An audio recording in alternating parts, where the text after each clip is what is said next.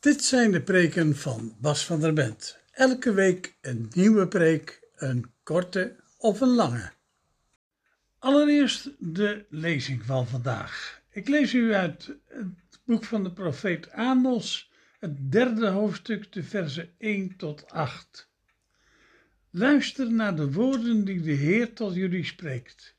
Israëlieten, tot heel het volk, dat hij weggeleid heeft uit Egypte. Uit alle volken op aarde heb ik alleen jullie uitgekozen en daarom zal ik jullie voor je, al je wandaden laten boeten. Gaan er ooit twee samen op weg zonder bij elkaar te zijn gekomen? Brult ooit een leeuw in een struikgewas als hij geen prooi heeft? Gromt ooit een leeuw in zijn hol zonder iets te hebben gevangen? Duikt ooit een vogel in een klapnet neer als het aas ontbreekt? Slaat ooit een klapnet dicht zonder dat er iets te vangen is? Klinkt ooit in een stad een ramshoorn zonder dat haar inwoners bang worden? En wordt ooit een stad er onheil getroffen zonder toedoen van de Heer? Zo doet God, de Heer, niets zonder dat Hij zijn plan heeft onthuld aan zijn dienaren, de profeten. Een leeuw heeft gebruld, wie zou er niet vrezen? God, de Heer, heeft gesproken. Wie zou er niet profiteren? Ik las u uit NBV 21.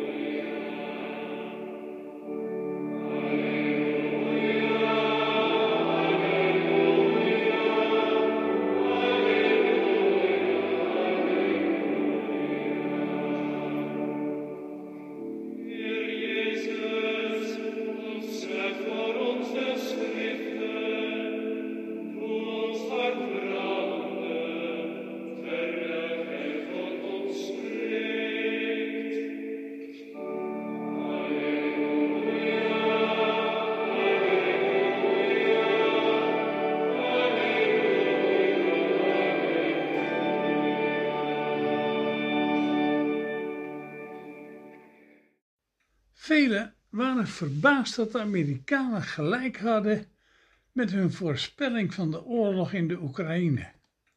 Waarom wilden wij dat niet weten?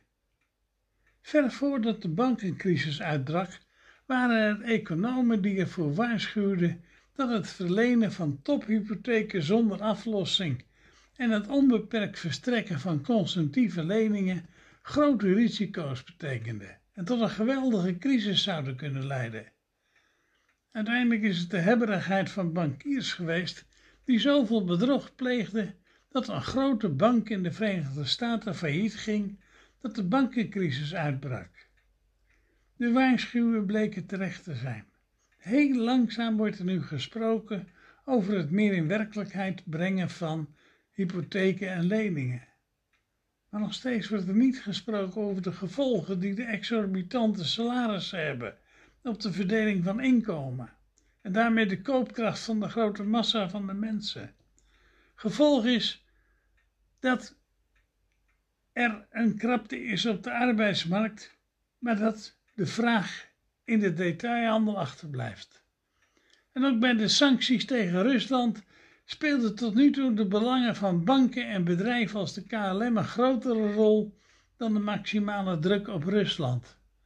En nu Poetin gezegd heeft dat, ze, dat hij de kernwapens op scherp wil stellen, worden de sancties langzamerhand sterker.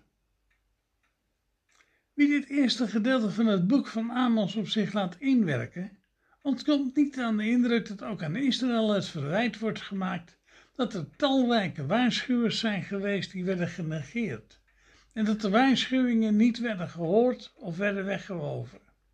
We zijn altijd meer uit op macht en bezit dan op eerlijk delen en de armsten onder ons. Dat was in de dagen van Amos al niet anders dan in onze dagen. Daarmee komt in de dagen van Amos dat een volk als Israël toch beter had moeten weten. Het had immers de richtlijn van de God van Israël gekregen om een lichtend voorbeeld te zijn om voor de andere volken.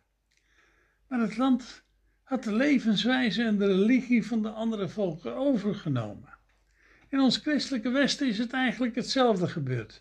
Niet het delen zoals Jezus van Nazareth ons geleerd heeft bepaald het wezen van onze samenleving, maar het streven naar winst, optimalisatie en de macht, om dat ten koste van alles te realiseren. De vrijheid van de markt, het recht van de sterkste. En dat recht van de sterkste, daar zien we nu de grote nadelen van. Bij Amos blijft altijd tussen alle negatieve kritiek en de voorspelling dat het slecht zal aflopen met het volk een klein stukje hoop over. Amos is boer en weet hoe de natuur in elkaar zit. Hij schetst op zeer poëtische wijze hoe je in de natuur kunt zien, ruiken en horen waar de gevaren zijn die wilde dieren met zich meebrengen. Maar als de leeuw brult, is de prooi veroverd en kan de maaltijd beginnen. En op het eind van dit gedeelte laat Amos de leeuw brullen. De straf van God, de ellende die het volk over zich heeft afgeroepen, is dus voorbij. Er breekt al een nieuwe tijd aan. Met die boodschap zal het volk in ballingschap gaan. En in die ballingschap zal het opgeroepen worden die boodschap van de God van Israël opnieuw serieus te nemen. Dat zal leiden tot de Hebreeuwse Bijbel die ook wij in ons Oude Testament kennen. Tot de boodschap over de nieuwe aarde, waar, ook waar wij dankzij Jezus van Nazareth aan mogen meewerken. Dat nooit los te laten is een waarschuwing die we elke dag opnieuw ter harte mogen nemen. Ook vandaag weer.